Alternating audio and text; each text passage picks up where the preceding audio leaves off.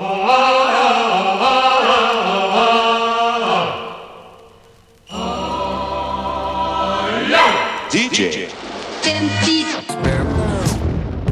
Vi kör ett litet upprop då. Alexander Ulmox Elb. Hej! Är stämbanden stretchade? Ja, verkligen nu eftersom vi har... Vi bandar på hårddisk idag så minneskortet kommer inte ta slut. Nej, det är skönt. Vi fortsätter. Rocky Caroline Jensen. Ja. Förlåt att jag sa ditt riktiga namn där, men jag tänker att det är egentligen ingen Men hemlighet. det är officiellt. Rocky är officiellt från och med i år också. Du, har du, har du jag battlat med Skatteverket? Nej, jag bara till det. Jaha. Och de klagade inte? Nej. nej. Hörde du den här springa upp för trappan-fanfaren då? Det tog ett tag. Jag skickade in ansökan i september. Fick det godkänt till, till första december. Grattis! Tack. Då ska vi se här då. Albin Eden Rock Lindström. Ja, Har du med dig någonting som är mjukt för våra öron den här gången? ja men relativt mjukt skulle jag säga. Mm. För, för eh, jag minns att du var med för ungefär två och ett halvt år sedan och då var det, då var det så mjukt att det var liksom någon Umeågubbe som sjöng covers på så här riktigt tidiga, sammetsaktiga Bee Gees-låtar fast på svenska. Som jag tyckte var helt fantastiskt. Ja, den var bra. Finns det kvar i din värld eller har det liksom muterat på något sätt? Jo, men det muteras ständigt skulle jag säga. Men, men grunden finns fortfarande kvar. Eh, De här tankarna kring liksom Edens lustgård och det mjuka. Ja. Och, Vi är faktiskt inte fulltaliga än för att nu ska vi ropa upp Manuela Morales de los Rios Ivansson. Hej hej. Tack. Satte jag hela namnet? Ja, jag kan säga hela, hela namnet. Jag har, Alltså är det längre än så? jag har faktiskt ett längre namn. jag- Min mamma är halv spansk, halv portugis. Hon har ett portugisiskt efternamn också. Åh, som finns, herregud. när jag döptes i Portugal så är det med på doppappren. Oh, och så har jag ja. ett förnamn. Så jag hade kunnat heta, om jag använder alla namnen så kan jag, kan jag heta Hanna Manuela Morales de los Rios Ivansson Dalmeida. Wow. Wow. Det får inte plats på ett visitkort. Nej, Så jag förstår gör om du har liksom förkortat det lite. Så det blir... Fold-out. Eh, då förklarar jag årets sista DJ 50 spänn avsnitt öppnat. Och rubriken är alltså Grävåret 2017. Vi fem hoarders här i studion kan alltså summera lite vad som har hänt oss i de billiga vinylbackarna under det här risiga 2017. Nu säger jag risiga här, men jag tänker på världsläget kanske. Hur, hur har era 2017 varit annars? Ja, alltså det har varit mycket bättre än 2016. Asså? Så är det, Ja. ja. Och grävmässigt så är det ju alltid konstant så att eh, det bara trillar in skivor hela tiden. Det är så? eh, Ja. Ja, det, det finns ingen, eh, ingen stopp. Rocky då? Jag röstar på skitår. Manuela? Ja, men jag är med Rocky faktiskt lite. Det, 2016-2017 var Mm. ganska piss. Det var lite stiltje i livet. Lite stiltje i skivsamlandet. Mm. Ja. Stiltje i allt. Det måste, finnas, tummarna för nästa år. det måste finnas mellanår så att det kan finnas toppår också. Ja, hoppas. vilken sanning. Jag bara öser ur mig sådana här grejer som ni kan... Skriv dem på väggen där hemma. Måla över carpe diem och skriv dem. Hur har det varit för dig, Albin? Ehm, ja, men ett bra år personligen. Men Mm. eh, ja, för världen så kanske Ja. inte lika bra. Ja. Alla ni som sitter här runt bordet har ju varit med förut i DJ 50 spänn. Manuela, du var med sent förra året tror jag, 2016. och då precis. hade du och dina bandkamrater i The Terrible Feelings precis lagt ner tror jag. Ja, det och du stämmer. spelade med Hurula, men nu har du ett annat, ett helt nytt band Ja, som men är jag, har, jag håller ju på och fifflar med lite allt möjligt. Ja, Hurula finns ju fortfarande. Ja. Det kommer en ny EP Mhm. i januari, februari. Mm. Jag tror jag får säga det. Jaha. Ja, ja. Eh, Det är gjort nu, nu, är det gjort. det- Eh, sen Turbo Feelings la ner och så... Eller har vi gjort det? Nej. Ja, Ska ni vet. köra en Nej, reunion? men det, det är det som är. Jag hatar verkligen band som lägger ner och sen börjar spela igen. Mm. Så nu vart det... För vi har haft lite gamla låtar som vi aldrig spelade in. Mm. Som är väldigt bra. Mhm. Och nu är vi valet och kvalet om vi ska göra det eller skita i det och göra något annat av dem. Jag vet inte, vi får se. Mhm. Ehm, Sen har jag ett band här i Stockholm som heter Slugbait med två kompisar. Just det. Som är någon form av no wave grej. Mm. En trio och så spelar vi saxofon bland annat ibland. Eh, Det, ja, men det är punk på något sätt. Ja. Och sen har jag precis spelat in en egen EP också, fem låtar, ett Jaså. soloprojekt. Ja. Produktivt år det här låter det som. ja, men det har varit lite, alltså det är produktivt men eh, ja, det ska bli skönt nästa år att få Mm. förlösa produktiviteten Jag på förstår. något sätt. Ulmox då, du var ju här i somras och då eh, hade du en liten loppisbunt från Haninge men framförallt så hade du en väldigt lång monolog som handlade om att skivsamlandet tar fram någonting äckligt i människan. Ja, det Det var, jag jag, jag, jag har fortfarande inte riktigt hämtat mig från det här för det var en sån fantastisk leverans av det. Eh, men det där har ekat lite grann i mig och jag har liksom mått lite illa när jag har liksom stått där och flämtat över en back.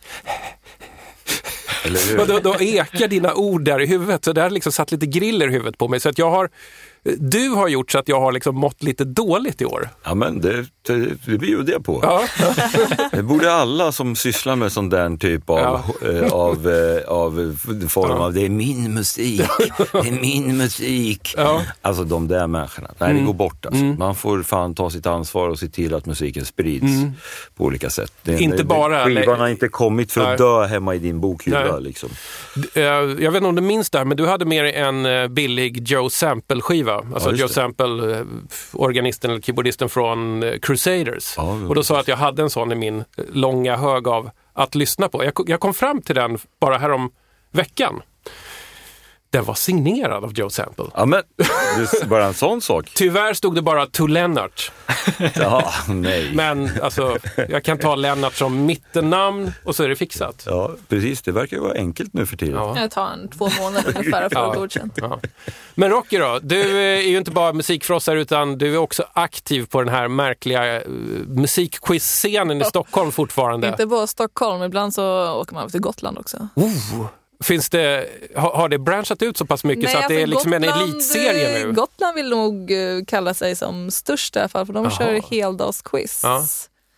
Hur har det gått idag då, för dig och ditt lag? Nej, det är ju också skitår. Jaså? Eh, nej, men det är bara det är nya strömningar Mm. i, eh, i quizvärlden. Det tar nya riktningar. Och jag går också, jag kan ju också utvecklas som människa och börja gilla annan musik. Jaha. Så, Så, va, va, nu, brrr, nu rullar i Ja, huvudet här. Du menar att du har en icke-quiz-kompatibel smak nu?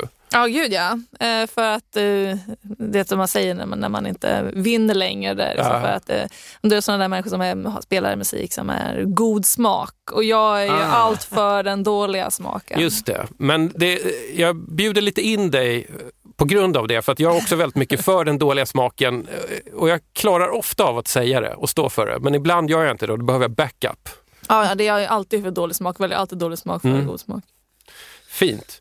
Alla gäster här, Rocky, Albin, Manuela, Ulmox, har med sig varsitt billigt skivfynd från det gångna året och så kör vi lite show and tell på det och så kommer vi snacka en jävla massa om ja, vad som helst som musiken styr oss in på. Kommer vi lyckas med det? Ja. Det hoppas jag. Vad sägs om att vi langar på årets eh, roligaste billiga skivfynd för eh, Rockys räkning? Dålig smak.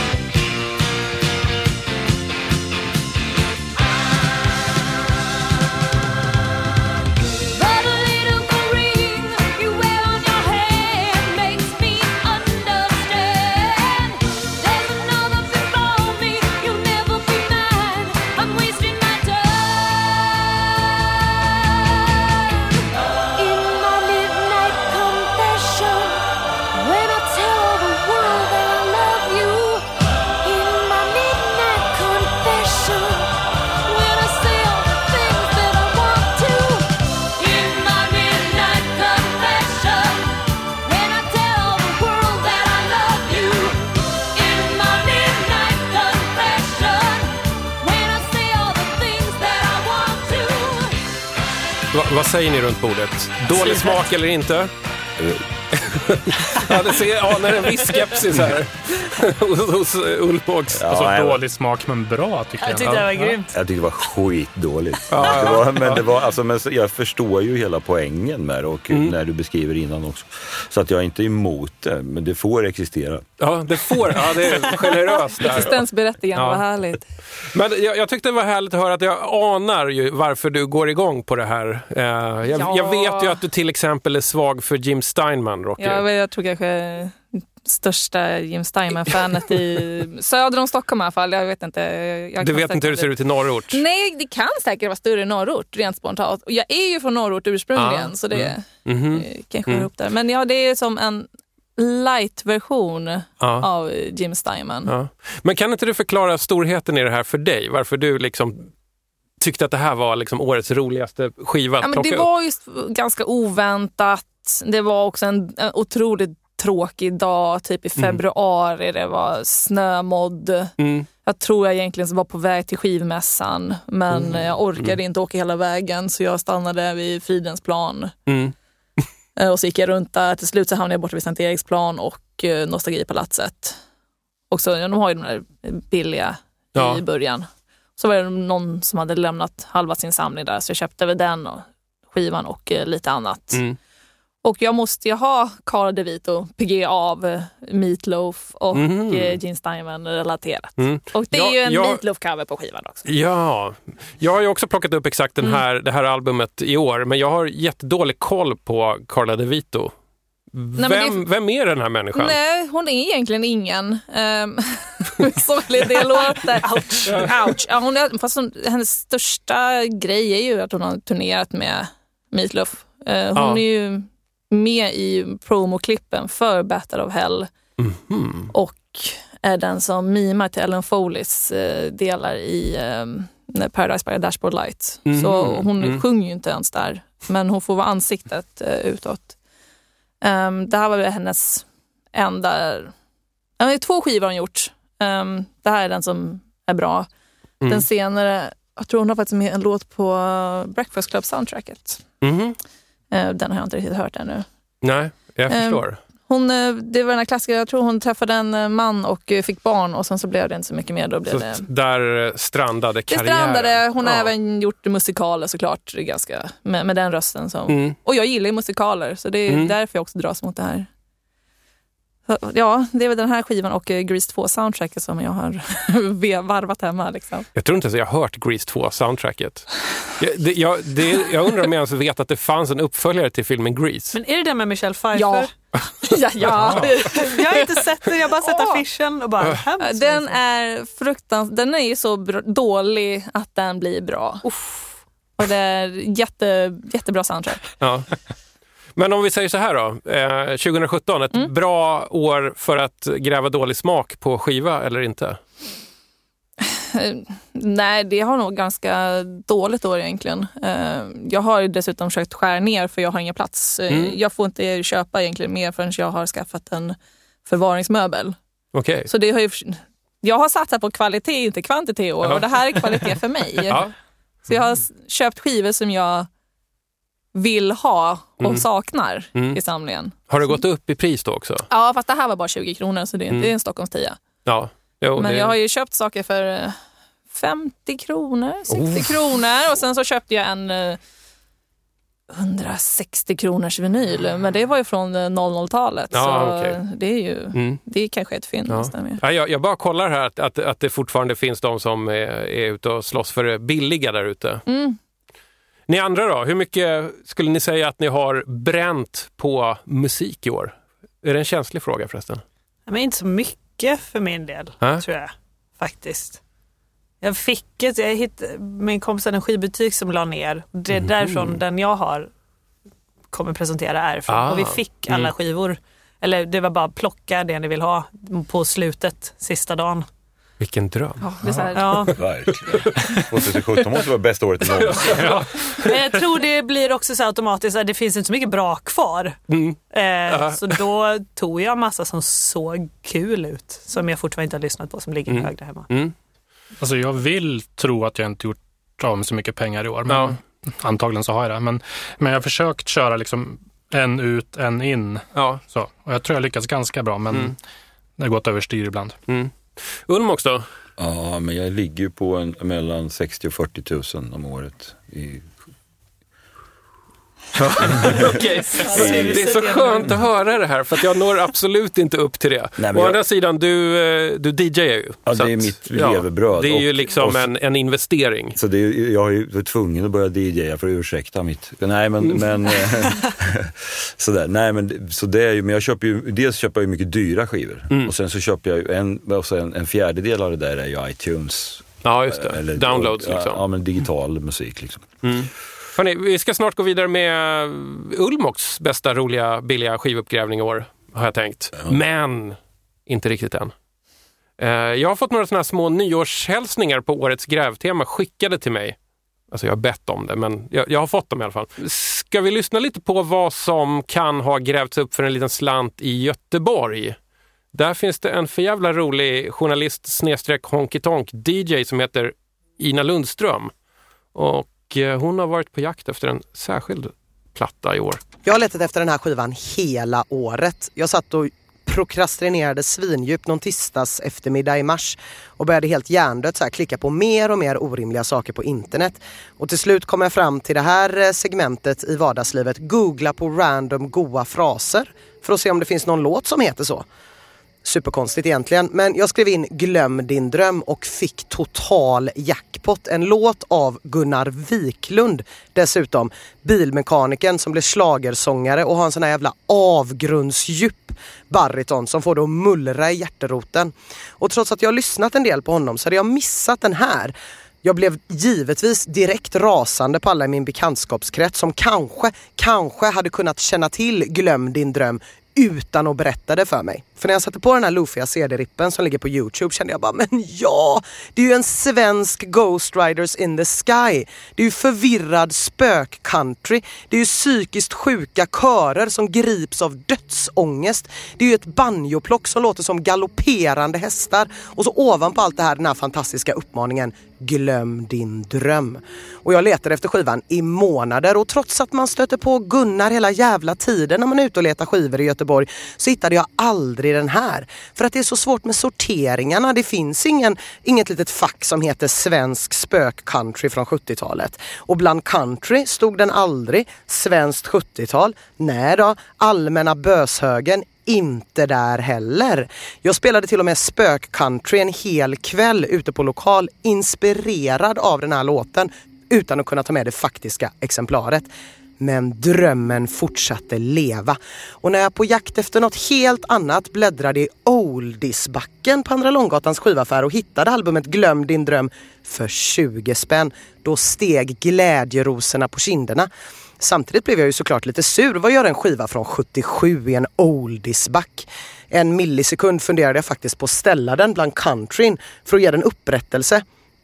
Men vem försöker jag lura? Klart att jag 20 kronor fattigare inom sekunder skuttade Andra Långgatan fram till takterna av de där dödsångestkörerna. Glöm din dröm Glöm din dröm Nu är du ensam igen som förut Glöm din dröm Kärleken bleknade bort och var slut. Glöm din dröm. Kärleken är en flyende sång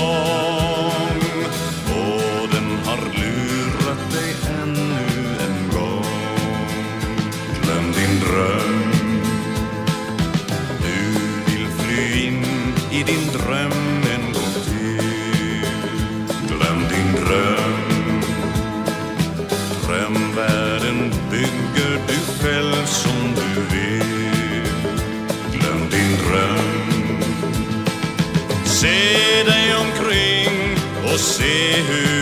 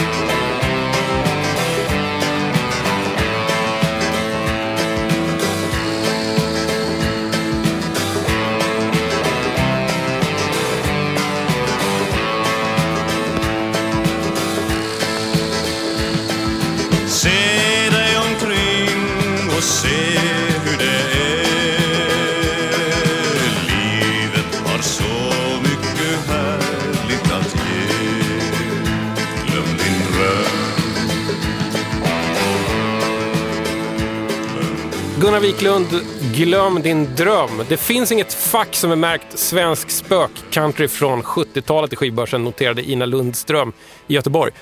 Vilket genrefack saknar ni om ni går in? Albin, har du något som du skulle vilja att det fanns? Ja, men jag, jag, jag saknar dels lite så här vanligt klassiskt ambient new age-fack. Ja, det är mm. sällan det finns. Alltså. Mm, Man får leta ibland synt-skivorna eller Ja, i random-facken. Liksom. Ja. Vad tyckte ni om eh, Inas eh, skiva här då? Gunnar Wiklunds Ghost Riders in the Sky. Alltså jag förstår att hon eh, hängde upp sig på den. Mm. Jag tycker den var helt fantastisk. Mm. Ja. Svinbra. Jag har faktiskt aldrig köpt en Gunnar Wiklund-skiva.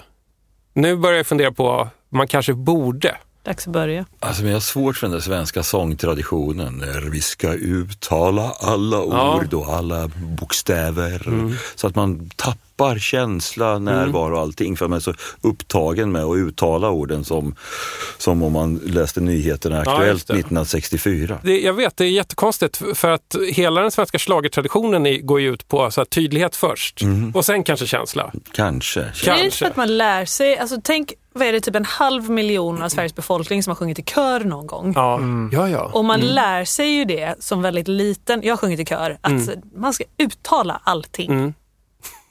Hänger det kvar? Är det därför? Jag vet inte. Vet du vad? Jag tror att det hänger kvar. Min dotter som är sex år har börjat gå på något som kallas för körlek. Alltså det, det är körsång men det är, det är fortfarande väldigt lekfullt. Och de har ju då en lärare. Hon är superbra.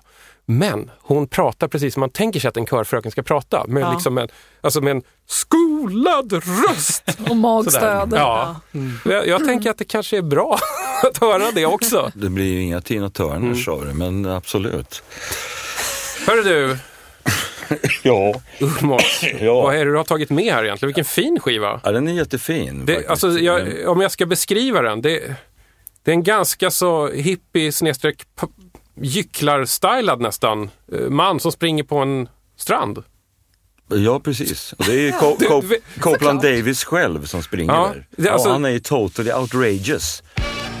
Fin Som du ser. skick också, herregud. Det här måste vi lyssna på. Ja, här, Har jag, du någon låt här som vi ska lägga på? ja, jag tycker ju här, den här In the Night, vad hette den väl, eh, tror jag, som är Late at Night heter den.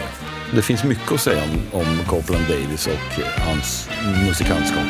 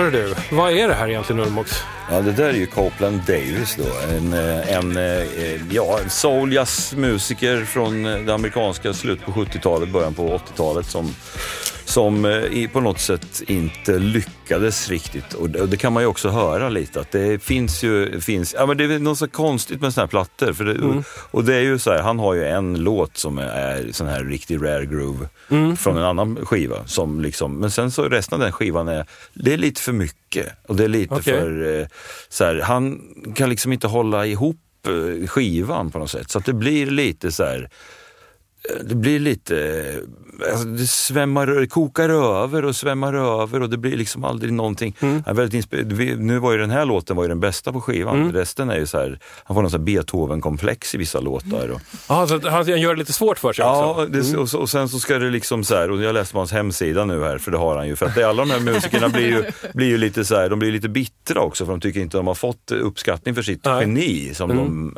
eh, liksom är. Och, då, och det är som så här, eh, slow, det är som Copeland Davis, bringing jazz back to America, har han som slogan på sin hemsida där. Så, så ja. det är ju som så här, ja. Nej, men och, då, eh, och det finns ganska mycket sånt som på något sätt är, vad ska man säga, och det är lite sorgligt men, det finns också någon, något, något, inte vackert kanske det inte är, att folk är bittra och Mm. känner att de har blivit förfördelade och min musik har minsann blivit samplad i de här låtarna och jag, och ingen vet vem jag är och Mm, sådär. Men, men det, Copeland Davis är en typisk sån figur. Var och när hittade du den här skivan då? Nu, ska, nu kan det bli en väldigt lång historia. Det här Ja, är ja. faktiskt en, inte ens min skiva än. Aha, oj. Den här är- har jag tag, tagit från min gode vän Freddy Krueger för han skulle göra sig av med en massa skivor och då sa jag nej, jag lyssnar på dem först. Mm. För, här- för, och då eh, så ska jag köpa den här av honom. Men för att jag köper ju så himla mycket musik som jag, Mm. och, som jag köper för att jag tycker det är skitbra och för att jag vill ha det. Mm. Och då så Eh, så går det inte att välja. Alltså, du vet, Amando Jar, eh, de sålde av sin skivsamling till Pet Sounds. Mhm. Varav jag köpte kanske 30 av de afroplattorna därifrån. Mm. Och, som är fantastiska plattor. I fantastiskt skick, fantastiskt Mm. dyra! Ja, ja, ja. jag fattar. Som, alltså, Sved. ja men de låg ju, om man tittar på Discog så låg ju de dyrast på alla titlar. Ja, ja. För, men därför att det också var i sånt skick som man aldrig Mm. någonsin hittar i, i, i överhuvudtaget. Men, men i alla fall, eh, för den skiva som jag spontant kom att tänka på var en 10 kronors skiva som jag hittade, en King Sunny Ade-platta i, Kärrtorp. Jaha. Eh, För några veckor sedan bara, som hade Bombay-sida som du vet det här nigerianska juju-groovet som går över och blir någon sorts proto-house. Den var helt fantastisk. Men den hade jag utlånad till eh, själva Freddy Krueger. Så, Jaha, då ja. så tänkte jag att då kör vi någon sån här Ja, form det, det är lite swap eh, meet här. Ja, så det går inte att, alltså, nej som sagt var, så att det här tyckte jag var lite, just för att det finns någon, någon, någon, något sorgligt charmigt Mm. över den här typen av så här, artister som känner sig förbisedda Ja. och man hör det nästan redan här. Ja, jo, jag, jag förstår vad du menar. Att han- Att det, är inte, har- det är inte helt igenom happy. Han har också en, han har en fantastisk hook på låten. Mhm. Men den är ju, den, den, alltså den, alla kan sjunga med i den där nu och tycker den är så här. Men sen är det bara det. Mm. Som bara går på och går på och går. Alltså, du vet, så här, det, det blir liksom inte det blir aldrig fullföljt. Det kommer aldrig Nej, någon jag fattar. Men är det så att utlösning. han, han testar liksom en genre per låt? Nej, utan det är väl mer som att det så att säga, mashas ihop. Den här är väl den som är mest soulig på plattan. Och där det inte går över till så här, som sagt var, det stod också på hemsidan faktiskt att han hade Beethoven som stor, stor idol. Ja, okej. Ja, Och hur Beethoven försökte ef- efterhär, använde pianot genom att försöka efterhärma hela symfoniorkestern. Ah. Och eh, det var då lite vad han strävar efter också. För den där grejen gillar man ju annars med sådana här snubbar som fått chansen att spela in en platta och då tänker de så här, nu måste jag maxa det här. Så Ja. jag spelar in liksom en, en genre per Ja. låt. Någon måste ju liksom sätta sig och bli en hit. Ja, men för ofta är det ju också någon sån här, den här innerspåret på albumet som blev den där som Afrika Bambata plockade upp och som resten av plattan är skit. Liksom. Och sen så sitter de där som sagt var inom sina, i sina eh, crocs och, och eh, träningsbyxor skitbittra på något sätt. Fast det, det egentligen är någon som har plockat upp deras musik och den hörs idag i populärmusiken. Ja. Ja. Det där du sa nu Albin om att liksom man får en chans och försöker maxa in så mycket som möjligt på en platta eller en låt. Det tycker jag har kommit tillbaks lite när jag har lyssnat på ny musik. Eh, och sen så läste jag en artikel om det, att väldigt många har börjat liksom skriva musiken så att den följer någon slags Spotify-logik. För där kan man liksom med säkerhet veta att folk skippar väldigt snabbt. Alltså att folk lyssnar kanske fem sekunder, eller 10 sekunder, eller 20 sekunder. Så då behöver du, för att inleda låten så behöver du nästan göra som en trailer av låten. Och Ja, sen kommer den igång. Mm. Liksom. Och då vill du ha med väldigt många olika element som kommer att komma senare. En liten hook, en liten, mm, inte vet jag, en liten gitarrslinga. Jag, jag hör Despacito i huvudet nu. Jag, tror, jag undrar om inte den är modellerad efter det här. Ja, säkert. Eh, och kanske något litet beat som inte riktigt kickar igång än och så vidare. Men det är väl samma sak där. Ja. Du har, du har 20 sekunder på dig. Ja, men det kommer, skulle, idag kommer, släpps det ju inga, alltså det- man kan säga det släpps ju mycket musik som, Mm. men det som, som kommer ut via de kom, kommersiella kanalerna, den här kvinnan DeVito skulle ju inte ha en chans idag. Nej, alltså den, nej. den musiken Mm. har ju upphört att existera. Den får man ju leta upp då på någon form av eh, Eh, ja, hon kanske kunde trycka skivor och sälja själv från scenkant eller något. Men det är ju, och det är ju Vilken jättesorgligt scen. att det är så. Ja, men att, det, att det liksom inte finns utrymme för liksom för, eh, vad ska man säga, egenheter som kanske tar ett tag att faktiskt eh, smälta in, alltså med, som lyssnare. Ja, som skivbolag också. fan, Det är många skulle- som inte vågar satsa på den Skulle typen av Pink artister. Floyd komma idag eller, så, eller någon annan? Så här, folk skulle ju bara, vad är det här? Det, är det känns som att folk inte tillåts vara artister heller som så här, ska utvecklas och förändras. Utan det är så här, en skiva var så här och nästa var inte det. Ah, ah, nej, vad händer? Då skiter vi i det. Och så blir någon droppad från sitt skivbolag. Och så, alltså man, man får liksom inte ha ett artisteri längre. Nej, Utan att det ska förhålla sig till en formel ja just det. inom de kommersiella kanalerna. Mm. Men är det inte så också att det finns någon slags logik där att man gärna också då vill ha en artist som redan har en upparbetad fanbase innan man kontrakterar den? Man bygger inte upp en artist från grunden kanske utan att man... Nej, det har man inte tid med. Det ska ju vara färdig produkt inte att kunna sälja. kostnadseffektivt. Nej, Nej. det är ju sant. Exakt. För att gå tillbaka till Copeland Davis här. Det är roligt att det här exemplaret är ju signerat. Det är en liten kråkfot skriven på här av Copeland själv. verkar det Ja, som. visst, to Linda, to a very beautiful lady. Då undrar man ju vem är Linda? Ja, och varför hon gjort så med skivan. Och den här är dessutom köpt, den här plattan är inköpt på Dominikanska republiken.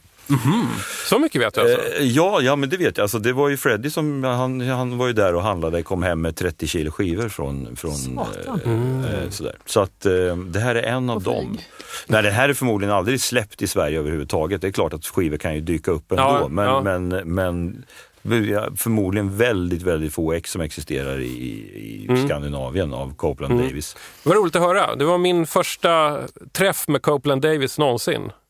Jag gillar ju det här att när man vänder på skivan så är det ett väldigt, det känns väldigt, väldigt, väldigt hemmasnickrat. Som att någon har bränt av sex sådana här snabba Instamatic-foton på Copeland när han sitter bakom sina keyboards. Och det var fotosessionen, förutom omslaget där han springer på en strand. Här kanske de tog in ett proffs. De har ju haft en kostymör till att börja med. Ja, det är sant. Jag tycker det är Det, det, det behöver ju inte vara så. Det kan ju också vara så där att det här är Copeland, han ska visa att han är en skön snubbe. Han är en gycklare. Ja, ja, Jag vet inte vad man ska säga. Det är lite... Men det är gycklare eller ande i lampan. Ja, det, där Ja, lite den grejen. Ja. Det är lite Ande i lampan-stuk här. Ja, eller, ja, någon sån här beach hippie Mm. goes, eh, goes, precis. Eh, De här, eh, vad heter den där arabiska sago... Alla Aladdin. Ja. Jag tänkte på den här 40 nätter, vad heter Tusen- den? Tusen en Tusen, en natt, ja. 40 nätter. Ja. 40 nätter, filmen med Ja, men Harrison Ford och Jag gjorde den moderna versionen, vi kortar Ja, ner. man kortar Fan, ner. ingen som har tid att lyssna. Tusen nätter. Vet du någonting om Copeland Davis fortfarande är vid liv? Oh, ja. Du, du vet det? Ja. Så, så att det här med crocksen och träningsoverallsbrallorna kan vara sant? Ja, han po- poserar ju i, kanske inte just han var det inte jag tänkte på då, men, Mm. men han poserar ju i frack och sitter vid flygel och sånt där Mm. på, sin, på sin hemsida. Ja, ja, han, håll, han håller höjd i alla fall. Absolut. Det är fint. Hörni, eh, känner ni till en eh, blogg som heter Katastrofala omslag? Nej. Jo, Du vet vem det är. Du som gillar dålig smak. Ja, fast det är väl annan dålig smak Ja, än vad det är- jag är inne det är på. spektakulärt men- dålig smak. Ja, Den drivs i alla fall av en hemlig filur eh, som eh, finns någonstans i Stockholmsområdet som kallas för Herr Dryck. Han har skickat en liten nyårskaramell. Ska vi lyssna? Verkligen.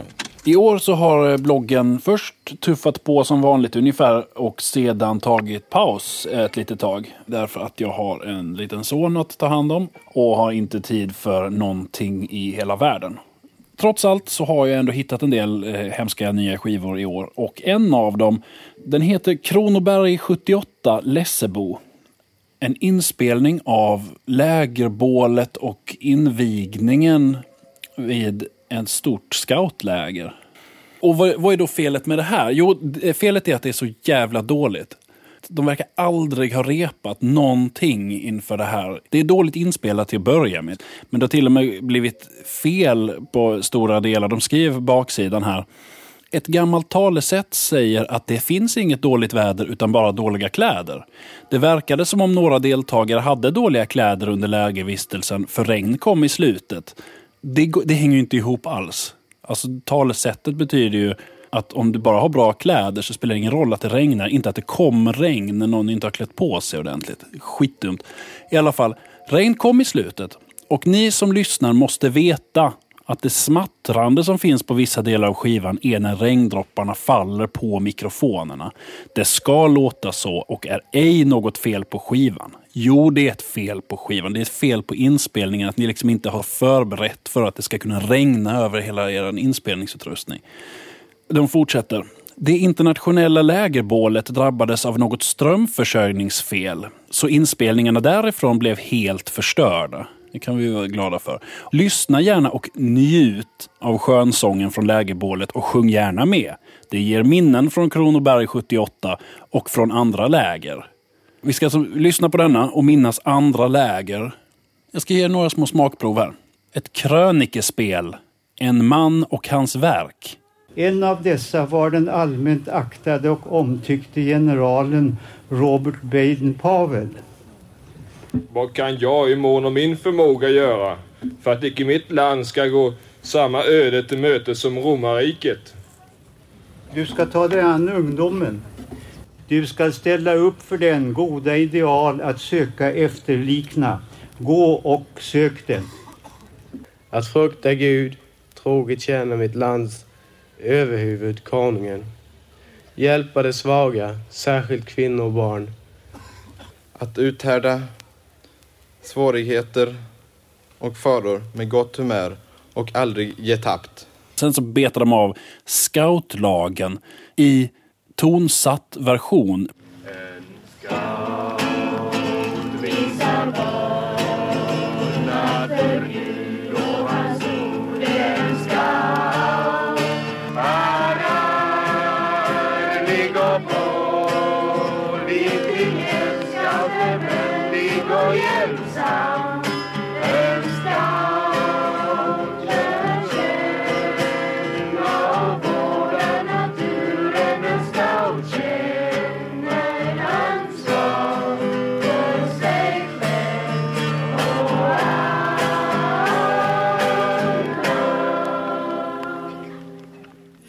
Jag har i alla fall aldrig hört Moonlight Serenade i moll med ostämd gitarr på svenska förut. Har ni hört något liknande? Med alltså en scout nära text. Nej, faktiskt inte. Det är inte så mycket scoutnära textmusik som jag lyssnar på. Det här, det här får mig att tänka hur, hur det var i någon slags privatpressningsbransch på 70-talet. Ku- Kunde man bara liksom pressa upp precis vad som helst och ingen stoppade den? Uppenbarligen. Ja, jag tror det. Bara man hade lite budget och typ en kyrka som stod bakom och betalade så Ja. gick det bra. Jag har haft, haft ett par sådana där plattor också tidigare. Bomoy, Läger med liv och? Mötesplats 76 eller sånt där. Från Bomoy-läger, jag vet inte Vad är vad det är för något. Bomoy? Det var länge sedan man var på ett. Verkligen. Men, men när du köper sånt så, så gissar jag att du ändå hoppas på att det ska finnas liksom lite så här ren och oförfalskad liksom så här amatörmusik som kanske ändå har någonting Jo, i sig. men då är det kanske någon låt som heter så här eh, Bosses samba eller någonting. Ja, ja, så tänker ja. man, "Ja, det här kanske kan vara lite svängigt, Mm, men oftast inte. För, för det intressanta här med, med eh, herr Dryck, då, mannen som har grävt upp den här skivan, är att han, han letar ju verkligen efter det värsta man kan utsätta sig för. Jag har inte riktigt vågat ta upp det med honom varför han gör det här. Men, men han var ju med i ett DJ 50 spänn och jag tror jag kan säga det, det är så länge sedan nu. Jag ska säga det, att, att, det, att det lyste en, en, liksom, en glöd av helig vrede när han pratade om de här, den här typen av skivor. Så att jag tror att det, det finns en, liksom en demon i honom. Kanske något Så- från som- barndomen eller en Ja, traumatisk ja. upplevelse. Ja, jag- en en vacker dag ska jag ta eh, mod till mig att fråga. Jag tänkte på att han var så väldigt hård i kritiken mot den här. Eh, när det handlar om en sån här entusiastskiva, får man vara så här hård? Det är hans demoner Ja. i så fall säkert. Mm. Nej, jag tycker inte Ja. det. Det är, det någon som har lagt ner liksom själ och energi i det Alltså, här och det liksom finns en velat så göra någonting bra. preskriberingstid på det också. Den är så pass gammal. Så. Ja, ja precis. Alltså, det är ju lite att man får skylla sig själv. Man Vilket år var det ifrån? Jag tror att det var 78 tror jag alltså, 20 år, Mm. då, är det fritt. Är, är det en okej preskriberingstid? Ja. Alltså? Mm. Är Ja, vad säger du? Nej, ja, men alltså, ja, det beror väl, alltså, I det här sammanhanget, den här skivan var väl gjord för de som var på lägret. Mm. Det är ju inte som någon, men jag menar om Copeland Davis. Han, han, får, han får stå, alltså du vet man slänger ut och säger så bringing jazz back to America. Då får Ja. man ju liksom, alltså, Ursäkta det är lite i något annat sammanhang, men det här var ju eh, skitdåligt. Men det var ju inte för våra öron någonsin avsett heller. Liksom. Sant. Det kanske är jättebra om man var där. Man har känslan kvar i kroppen. Ja. Jag minns den där regndroppen. Hör du, det har blivit dags för eh, ditt roligaste billiga skivfynd för år. Ja, kul. Det här, det här ser spännande ut.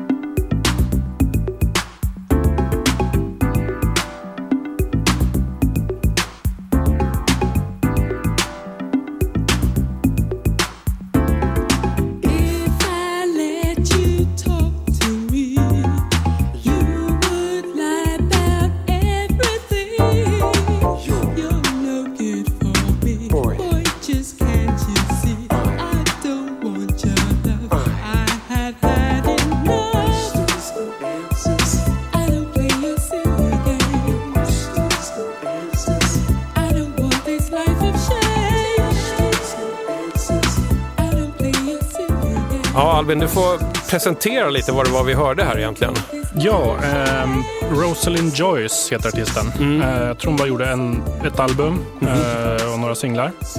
Eh, Lovers Soul heter eh, plattan. Så det, det liksom tänker man att det kanske kan vara lite så här Lovers Rock, reggae-aktigt. Men det här är ju då UK Street Soul som det Okej. kallas. En väldigt så här, hypad genre för tillfället tror jag. För tillfället då eller för tillfället nu? Tillfället nu. Det, Ja, det här okej. är en sån, en sån platta som har kostat så här, ingenting fram tills nu. Aha. Men som, som Ja. senaste tiden så har plockats Mm. upp av europeiska DJs och Mm. många börjar spela det. Liksom. För, för jag tyckte när jag hörde att, att det fanns någonting modernt i det. Alltså så här, ut, kanske utdaterade ljud. Ja. Men liksom på något sätt att den var så tom och ekande kändes ändå. Ja, faktiskt. Någorlunda modernt. Mm. Och det är väl lite så här, jag tycker att den här låten sammanfattar den genren ganska mycket för att det är dels väldigt engelskt, Mm. väldigt lågbudget, eh, ofta ganska dåliga sångerskor och, och sådär. Att eh, det var inte det viktiga utan man, man ville liksom kopiera amerikansk soul, R&B och boogie och göra någonting brittiskt av det. Ja, så det. blev det här för att Mm. Man hade råd att köpa en, en sampler av hemma i sovrummet och så spelade man in plattor och då blev det det här som blev grejen. Ja. Va- Var och när hit- hittade du den här skivan? Eh, I London faktiskt, i, i somras. Eh, det var lite galet år i år för mig faktiskt. Eh, eh, gjorde en sån här grej som man gör en gång i livet, att man tar tjänstledigt och reser runt och eh, bor utomlands. Jaha, och sådär. Så att, eh, Mm. Jag har grävt på många roliga ställen i år ändå. Eh, Kuba, eh, Mexico City, New York och London och sådär. Och London bodde vi ett tag i somras faktiskt. Och då var jag ute och grävde skivor, men London Det är dyrt. ingen vidare grävstad. Nej. Mycket skivaffärer, men, men bara massa, för min del, och tråkig rock och allting Mm. är väldigt dyrt och sådär. Mm. Eh, så jag liksom grävde mig längre och längre ut i förorten och hamnade i Walthamstow till slut i nordöstra London eh, på en loppis och där lyckades jag hitta två ex faktiskt av den här plattan. Mhm. Ja, grattis. Jag, jag gillade det här Ja. ändå. Eh, Det, det är samtidigt så här, är inte det här ganska deppig musik? Jo, där. Jag tror att det, så här, mycket av den här musiken är väldigt så här, lågt tempo och lite Mm. smådeppigt. Och, Mm. så här. Men jag tror att det var rätt stort ändå, i alla fall i England, så här, sent 80-tal, tidigt 90-tal. Jag läste någon artikel idag bara när jag satt och, och googlade och försökte läsa på lite. Att, Mm. eh, någon hade skrivit om Manchester i slutet av 80-talet och början av 90-talet. Där vi liksom har fått lära oss det här Ja, Manchester-scenen det. och Happy Mondays och Stone Roses. Men enligt författaren så var den här grejen väldigt mycket större i stan då än Mhm. vad den delen var. Jag gör, gärna mer av sånt här än uh, Manchester, för jag är så färdig med det. Ja, verkligen. Ja. Men det, alltså, jag vet inte, är, är det många som fortfarande pratar om Manchester-grejen? Jag, ty, jag tycker att det äntligen har lagt sig lite. Kanske för att de här filurerna i Oasis har faktiskt på riktigt korsat över och blivit äkta seriefigurer. alltså under de Ja, senaste men på åren. något sätt, ja, de är seriefigurer men de får fortfarande på tok för mycket respekt. Ja, ja, ja. Bröderna Gallagher, jag tål Mm. dem inte. Ja.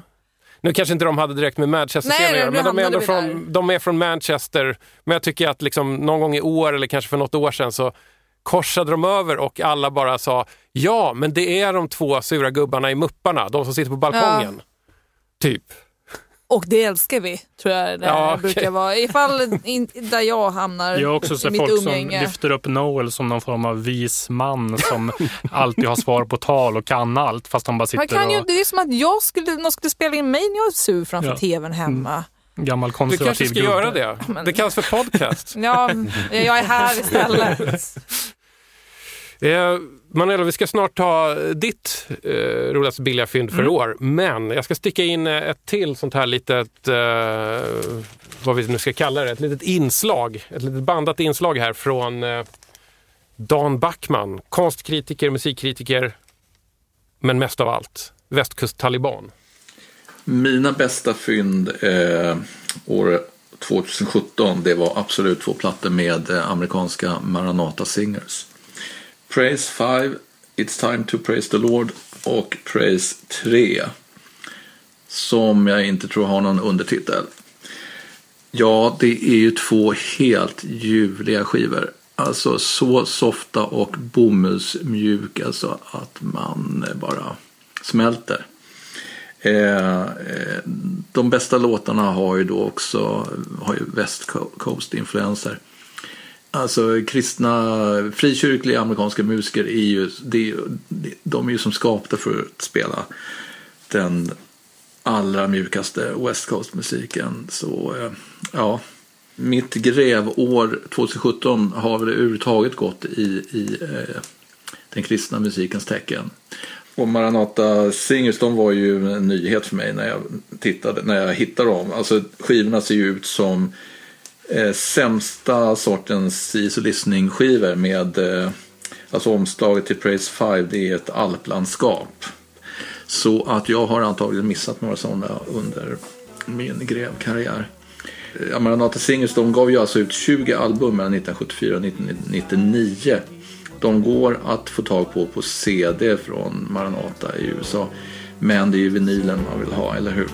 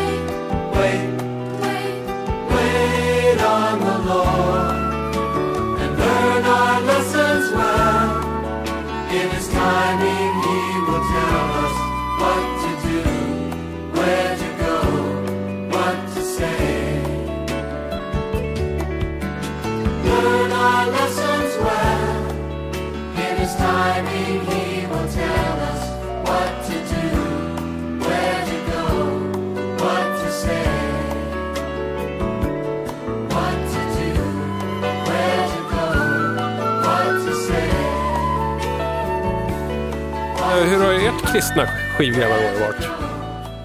Märkligt nog så har jag gått in på Maranata i år också.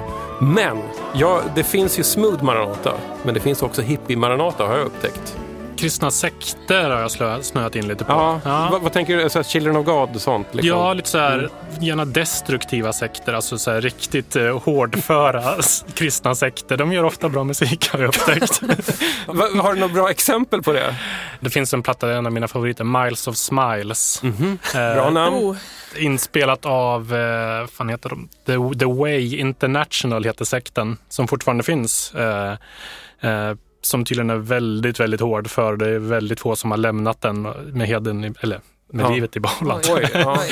Eh, Men eh, väldigt änglalik musik och väldigt, väldigt, väldigt mjukt. Mm. Mm. För mig har det varit några år nu av ganska mycket liksom Jesus-skivor och chansar väldigt mycket på Jesus-skivor. Jag gillar ganska mycket av, av musiken men jag, jag är mest ute efter en genre som man inte riktigt hittar så ofta i Sverige som är mer så här Larry Norman, så här hippie-rock med Jesus-texter. Uh, den andra musiken lyssnar jag igenom sådär Uppenbarligen funkar det inte för jag är ännu inte frälst. Vi får se vad som händer under 2018. Vi lämnar Maranata. Det känns som att jag... Letar du efter att bli frälst då? Är det Jag, jag, därför jag vet inte, det, det kanske kan få mig att sluta hårda skivor eller någonting. Jag har ingen aning. Jag letar efter en utgång här. Frälsningen i slutet av tunneln. Mm. Men jag har också tänkt lite så här, när man köper mycket kristet, här, om jag vore troende själv skulle jag uppskatta den här musiken på ytterligare ett plan då. Fast de är ju, de är ju inne på någonting annat nu. Ja. Det, det fräckaste i Hillsongs. frikyrkoväg. Jajamän. Ja, Och det låter ju inte så här. Jag har Alltså, varit det... på en sån eh, gudstjänst en gång. Oh, berätta mer. Det Hur var, lät det? det var bara av ett misstag. Ehm, Jag var på en sån gust. Ja. Så brukar man säga om man går på porrklubb. det var ungefär den känslan. Det var, det var först, det här ser kul ut, det här måste vi kolla. Ja. Och sen var det så här, hur ska vi ta oss ut härifrån? Mm. Men de är ju precis som vilken ehm, eh, ja, söderhipster som helst. Ja. Vid första anblick. ja, just det. Och sen så, ja, men de kör vanliga typ Coldplay, eh, Mm. rockaktigt. Mm. Men eh, när de skulle, man skulle, man skulle vända sig om och hälsa på grannen eh, och då ska man eh, driva in kollekten då smet vi ut Mm. snabbt som attan Ja. och tog oss en eh, styrketår efteråt.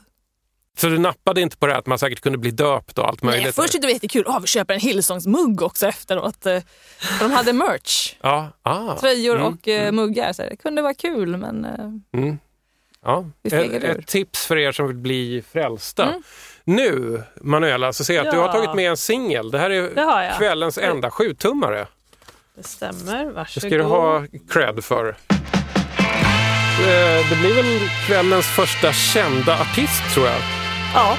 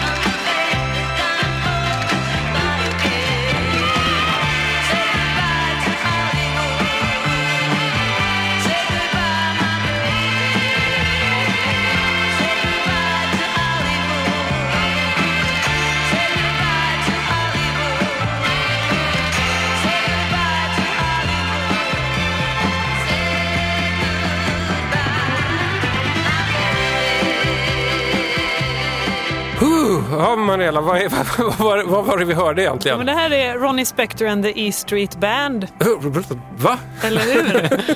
eh, med Billy Joel-covern Say Goodbye to Hollywood. Ännu konstigare. Men jag Ja. så, faktiskt den här sjuan för, alltså kanske tidigare i år eller förra Mm. året, som en Record Store Day reissue. Jaha. Så det är därför jag vet Mm. att den existerar. Jag kände inte till den innan. Mm. Men då var den ganska dyr. Eller dyr, Ja. den kostade typ 120 spänn. Ja, ja sjua. herregud. På Record Store Day i våras så såldes ju en ny press remasterad av Gilbert och Sullivan för över 300 spänn. Alltså, det är lite, det är, Det jag, är liksom årets skämt. Men det är ganska sjukt det här hur det har blivit Ja. och hur, nu kommer vi in på något annat, Ja. men hur de stoppar upp produktionen av basically alla andra skivor för att Ja, ja. bara göra Record, Day, Mm. Record Store Day Special Editions av Ha, allt. har du någon gång blivit drabbad av det, rent personligen? Nej, Nej. eller Mm. nej, inte, inte jag. Nej. Ehm, Eller något av dina band? Ja, men, det- jag tror inte det, jag vet Nej. inte. Men att det kanske tar längre tid att få Mm. skivor tryckta Ja, ja. egentligen.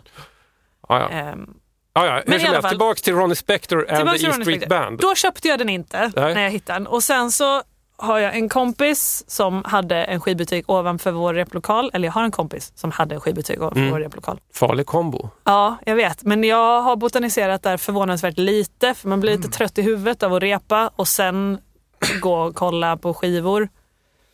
Skitsamma. Det stod massa grejer som var up for grabs när de stängde eller la ner. Och där stod den här bland annat. Wow! I inte Record Store Day edition av den här Nej. sjuan. Och den köpte jag, eller fick. För Mm. det var Ronnie Spector, är Ronnie Spector. Jag gillar henne väldigt mycket Mm. såklart. och så googlade jag lite på varför i hela världen E Street Band och hon har gjort en singel tillsammans. Mm. Och då var det lite så här att under den här tiden så låg tydligen Bruce Springsteen i någon form av fade. Någon, någon eh, vad heter legal, Mhm. alltså Ja, men alltså med, med någon rättighets... någon eller någon kontraktsgrej. Ja. som hindrade honom, nu kan jag inte det här exakt, från att spela just då. Mhm. Så då var E Street Band lite uttråkade eh, och tänkte vad ska vi göra under tiden vi inte kan spela live? Det här var det i något år eller något sånt. Ja. Så då kom Steve Van Sant på att Ronnie Spector är ju cool. Mm. Henne har vi glömt bort lite. För det här är, den här är från 77. Så då em, tänkte de att de skulle kickstarta hennes karriär lite igen och spela in Mm. en singel med henne med två låtar. Jag måste ju säga att det här låter ju, tycker jag i alla fall, mycket bättre än Bruce Springsteen and the E Street Band. Ja. Det, det hade mycket hellre, alltså, de hade kunnat liksom snärja in Bruce i det där kontraktsbråket och, och det- förlänga det så hade det kunnat hända hade han någonting bara riktigt kunnat kul. få hållas liksom. ja. Men jag, alltså, jag tycker den här liksom, E Street Band-svulsten blandad Mm. med någon slags här Phil Spector-grej som de ändå försöker Ja. göra här. ja, man Det hör låter ju mycket bättre. Jag, tyckte, jag tycker det här är jättebra. Man hör, det är väldigt mycket saxofon direkt, man ska höra Ja, vilka det är som Mm. spelar.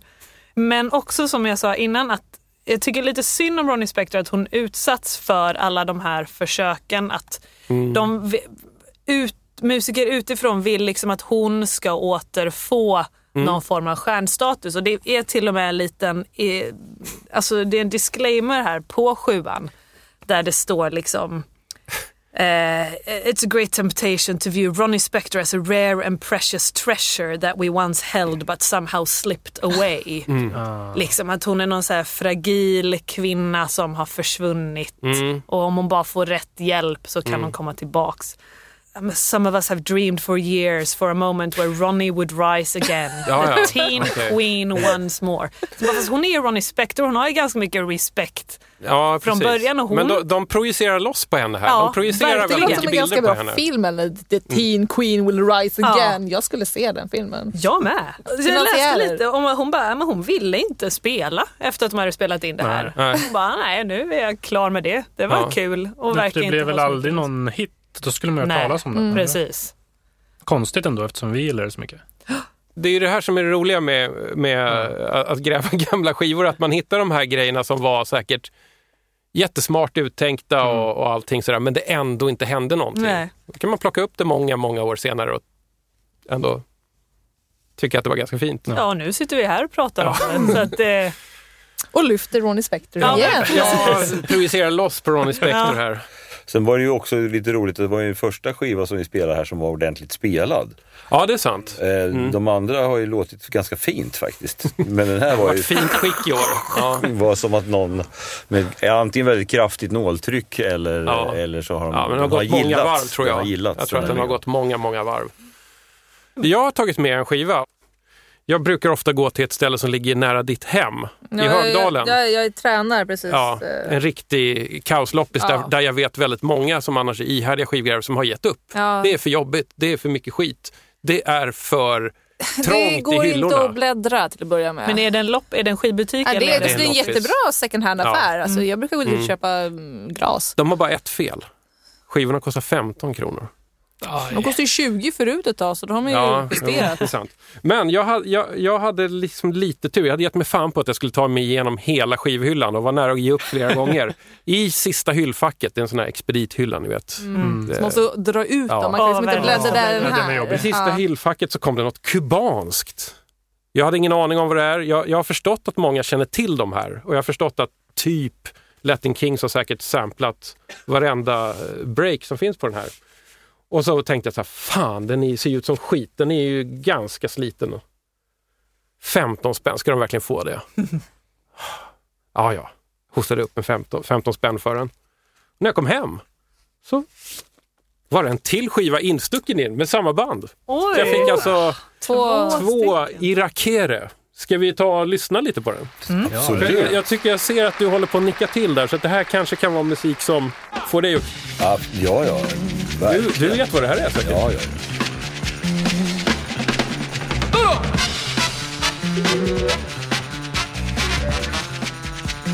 ja.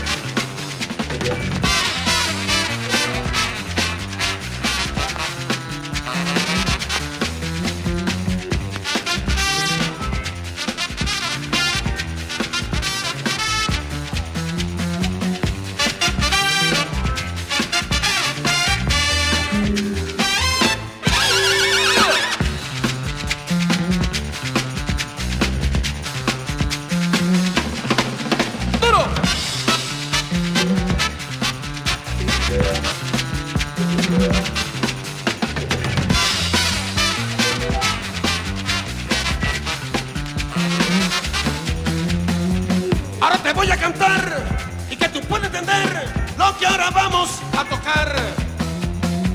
Algo del tiempo de ayer, ligado con lo de hoy, para que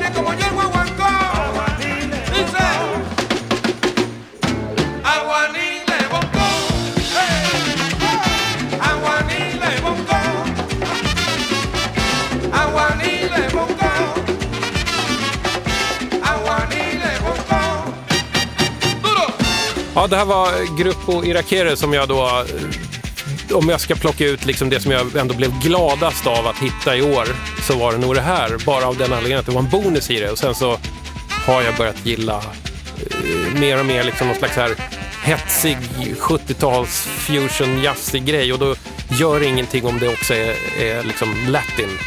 Och då får man det här. Det, men jag vet väldigt lite. om- Du, känner, du känner till de här kanske? Oh ja. Oh ja. Vad, vad är det för någonting? För att de ser otroligt coola ut. Alltså, det är ju ett kubanskt fantastiskt jazz fusion funkband skulle man kunna säga. Som, som ändå turnerade ganska mycket här. Jag tror till och med att de har plattor som är svensk producerade. Ja. Eh, Och jag vet inte hur det är med det där albumet du har där, om det är inte, eller om det är andra som, som finns någon svensk koppling till. Mhm. Som, eh, för det var ju... eh, Jag kan inte hitta någon ledtråd på Nej, själva skivan nej, men det i alla kanske, fall. Det men- kanske är så att den har pressats i Sverige också. Och så där. För en del såna här eh, eh, kubanska skivor som man hittar är tryckt med tyska på till exempel. De är tänkt för att det ska säljas i, den, på, i Östtyskland. Ser man på. Ja, det är ju spännande. Det är ju allt, allt sånt där som är... Det är liksom två, det fanns ju bara ett, ett statligt bolag egentligen, men som var uppdelade i små under, Ja, underbolag. Så, Mm. så Egrem är ju den som var lite mer, eh, vad ska man säga, där det var lite mer progressivt. Mm. Och där man i, stor, i en ganska stor utsträckning beordrades att, att spela in liksom fantastiska eh, kommunistiska versioner av imperialistisk skitmusik. Wow.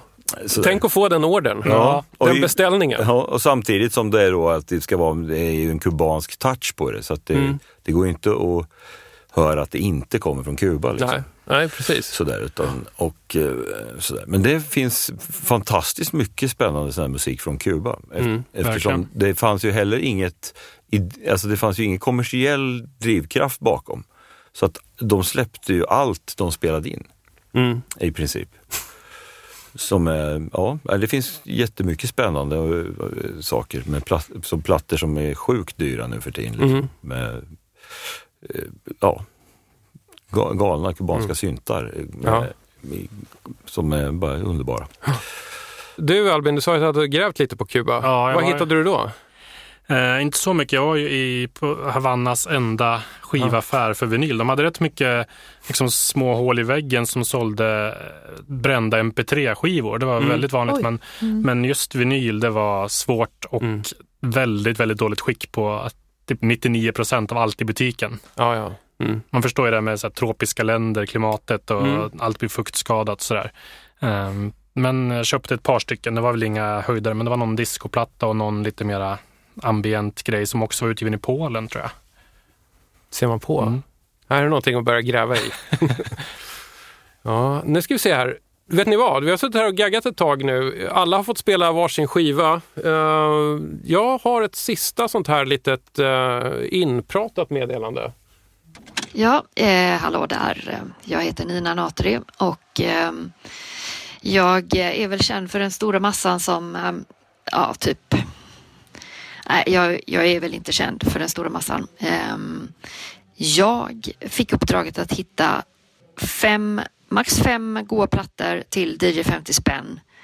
Och på denna eh, upptäcktsfärd till eh, en loppis så hittade jag två skivor som jag letat efter, eh, jag kan säga i över 20 år känns det som.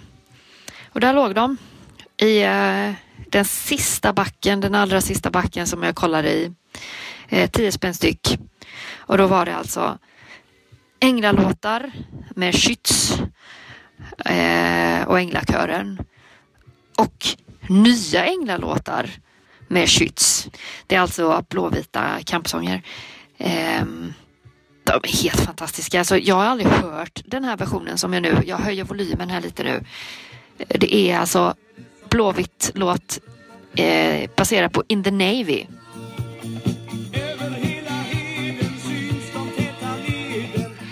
Över hela heden syns de täta leden. Ja, eh, jag säger då det. Här finns ju bitar som eh, Heja Blåvitt, här kommer änglarna baserad på Glory Glory Hallelujah. Blåvitt Blåvitt baserad på What, What You've Done To Me. Eh, undrar om det är den där Poseidon står på Götaplatsen och aldrig sett en match för han har alltid jour. Eh, han står där så naken och så stor. Ja, ni hajar. Alltså det här var det. Jag blev så glad när jag hittade de här två.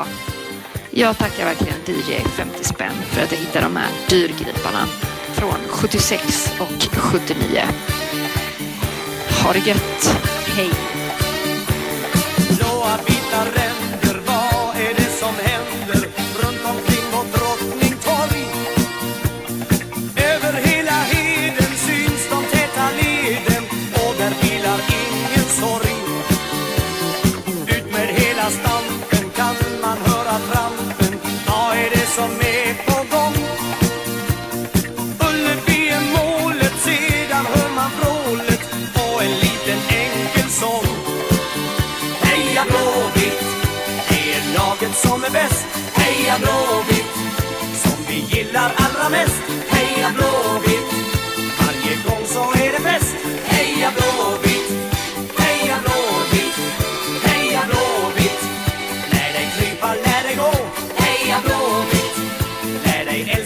Cold.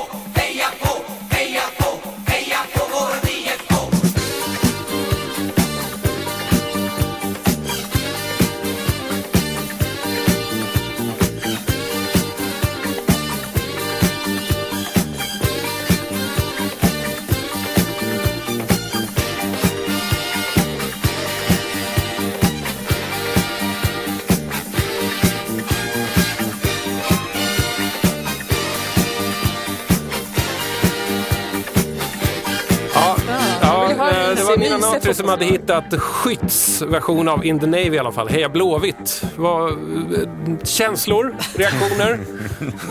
Jag är, jag är stum. Ja. jag, jag måste ändå säga att det var, det var inte 100% dåligt när det var instrumentalt. Om ni förstår vad jag menar. Alltså det var någonting med, med de här blåsriffen som ändå var eh, pretty good för dan, dansbandsdisco. Ja, Alltså om du frågar mig så Ja, ja, jag absolut. bara kollar- jag den vill bara bas- se om jag väcker en reaktion Den här där. discobasen som ändå Ja. var rund och fin och med lite Mm, botten i mm. sådär. Den skulle ju, men ja, jag vet inte. Heja Blå! Ja. Alltså, så ja, nej, usch. Men alltså, jag vet inte om någon av er är någon så här fotbollsfanatiker överhuvudtaget. Alltså jag, har, jag är ju det, men, Mm. men jag, eftersom jag håller på IFK Norrköping så är jag ju ganska Ja. tacksamt eftersom de också har blått och vitt. Va? Så jag, Ja. skulle, jag kan ju Du kan relatera. jag, jag kan leva lite i förnekelse Ja. att det här faktiskt var en, Ja. en, en låt jag kan acceptera. Men, men finns det någon sån här gammal vad ska vi säga, försvenskningscover på IFK Norrköping-tema som man borde leta efter? I, nej, leta efter, nej, det ska jag inte säga. Men, men, men det, nej, det, är ju, alltså, de nej, det finns ju några låtar som inte är så bra faktiskt. Det är den där härliga EFK, klubben med Go. Eh, som. Ja. eh, sådär. Den är ju inte så bra, Ja. men, till exempel. Men sen har ju Kalle Ba nu på senare år gjort en fantastisk som heter Pekings Park som är faktiskt riktigt bra. Och, och, och kör de då i reggae? Ja, ja, ja det är ju Lunken, Kalle, det är liksom. Kalle Ba. Liksom. Ja. Eller det här är väl lite mer ska, skulle man kunna Okej, säga. Det går mm. fort sådär. Nu, nu är jag egentligen ganska ointresserad av fotboll, men, och jag säger men, jag råkar vara uppvuxen i Stockholms sydöstra förorter och jag bor i hjärtat av yttre Bayernland. På något sätt så blir jag lite provocerad av att höra sån här glättig göteborgsk dansbandsdisco. Tänkte ni på att det var liksom så maniskt? Alltså att det var, det var en väldigt påklistrad glädje. Förstår ni vad jag menar? Ja, jag jag försöker få er med, med mig här nu. Jo, men jag håller med. Och, och jag tycker nog att om man ska latcha med disco grooves i ett ledset land som Sverige Då ska det nog vara lite mer lidande med i bilden. Det här var ju bara showbiz-glädje. Ehm, så om man ska nu göra något fotbollsnära med någon form av liksom ändå liten antydan till groove så måste jag nog hissa grönvit flagga och säga att Kenta och Stoffe Kentas låt Bajen är några snäpp bättre. Jag ger er Kommer du till stan ska du gå på Söder. Där finns ett gäng som gillar Kalles grödor. De sitter på bänkar, gator och torg. Och då Bajen nosar har de ingen sorg. De vet Bajen är bäst i stan, ja. Bajen är bäst. Bajen är bäst i stan, ja. För Bajen är bäst. Nej. Där... Jag ska inte plåga er med Kenta mer, men jag ville bara göra en liten poäng här. Ja, men jag ser din poäng. Jag håller med dig. Ja. Dessutom är den autentisk, alltså fotbollsfansmässig, att man hör det här ljudet av ett bröl i en viadukt. Ja, Ni vet vad jag menar. Ja, allt för väl. Ja. Alltså, och det luktar lite mer faktiskt, som det Mm. kanske luktar efter en fotbollsmatch. Jag säger inte mer för det är äckligt.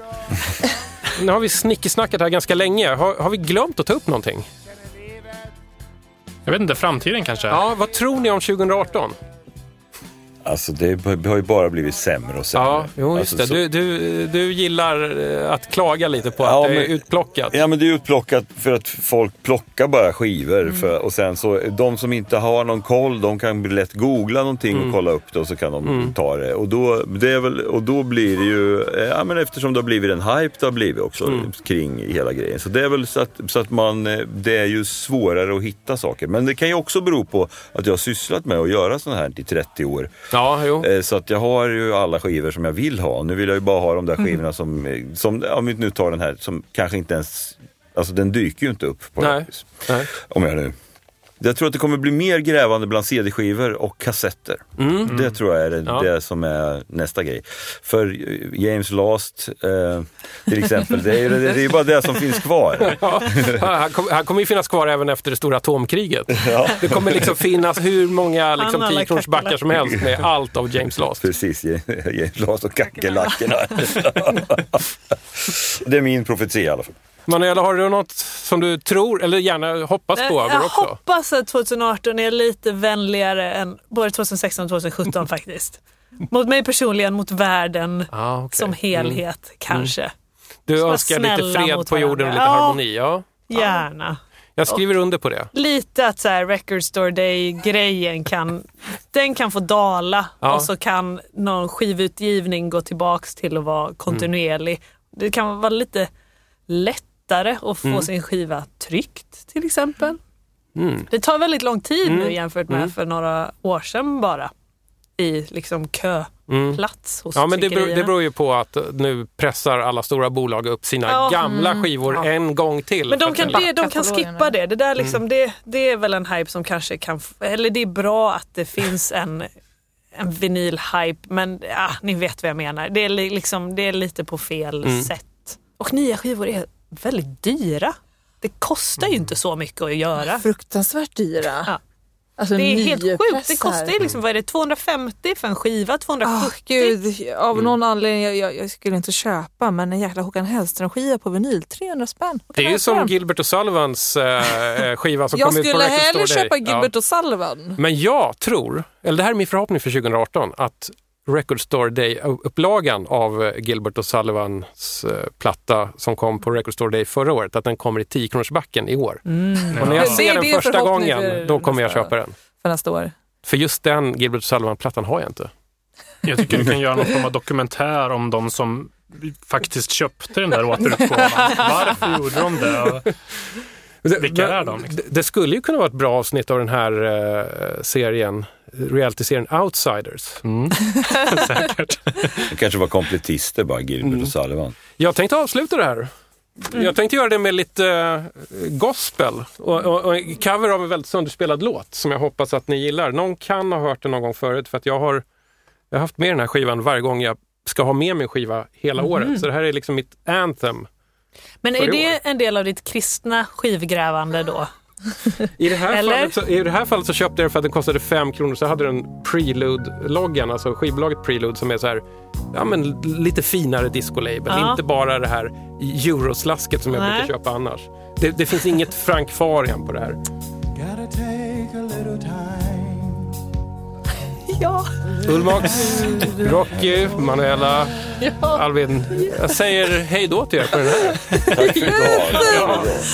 Åh, gud. Det här verkar vara en fantastisk skiva till att börja med. Ja, men det, det är det bästa gruppnamnet jag har sett i år. New Jersey Mass Choir. Det är ganska hårt. Ja, kommer pumpar den igång sen. Lite. Alltså den, de släpper inte lös 100%. De gör tyvärr inte det på hela, på något sätt på hela skivan. Det är inte full. This mountain I must climb. Låter vi på snabbt. Feels like a world upon my shoulder. Through the clouds I see love shine. It keeps me warm as life grows colder.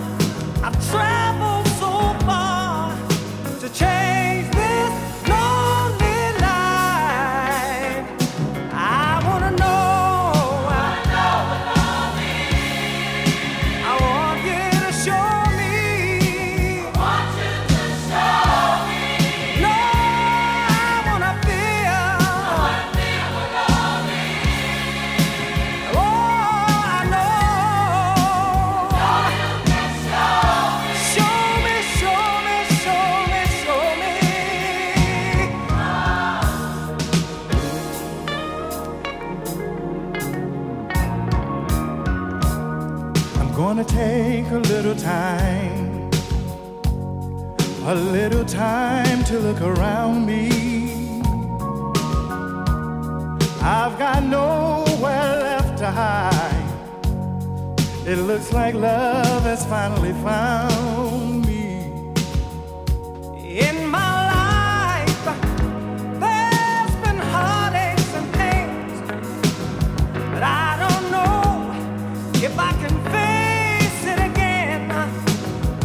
I can't.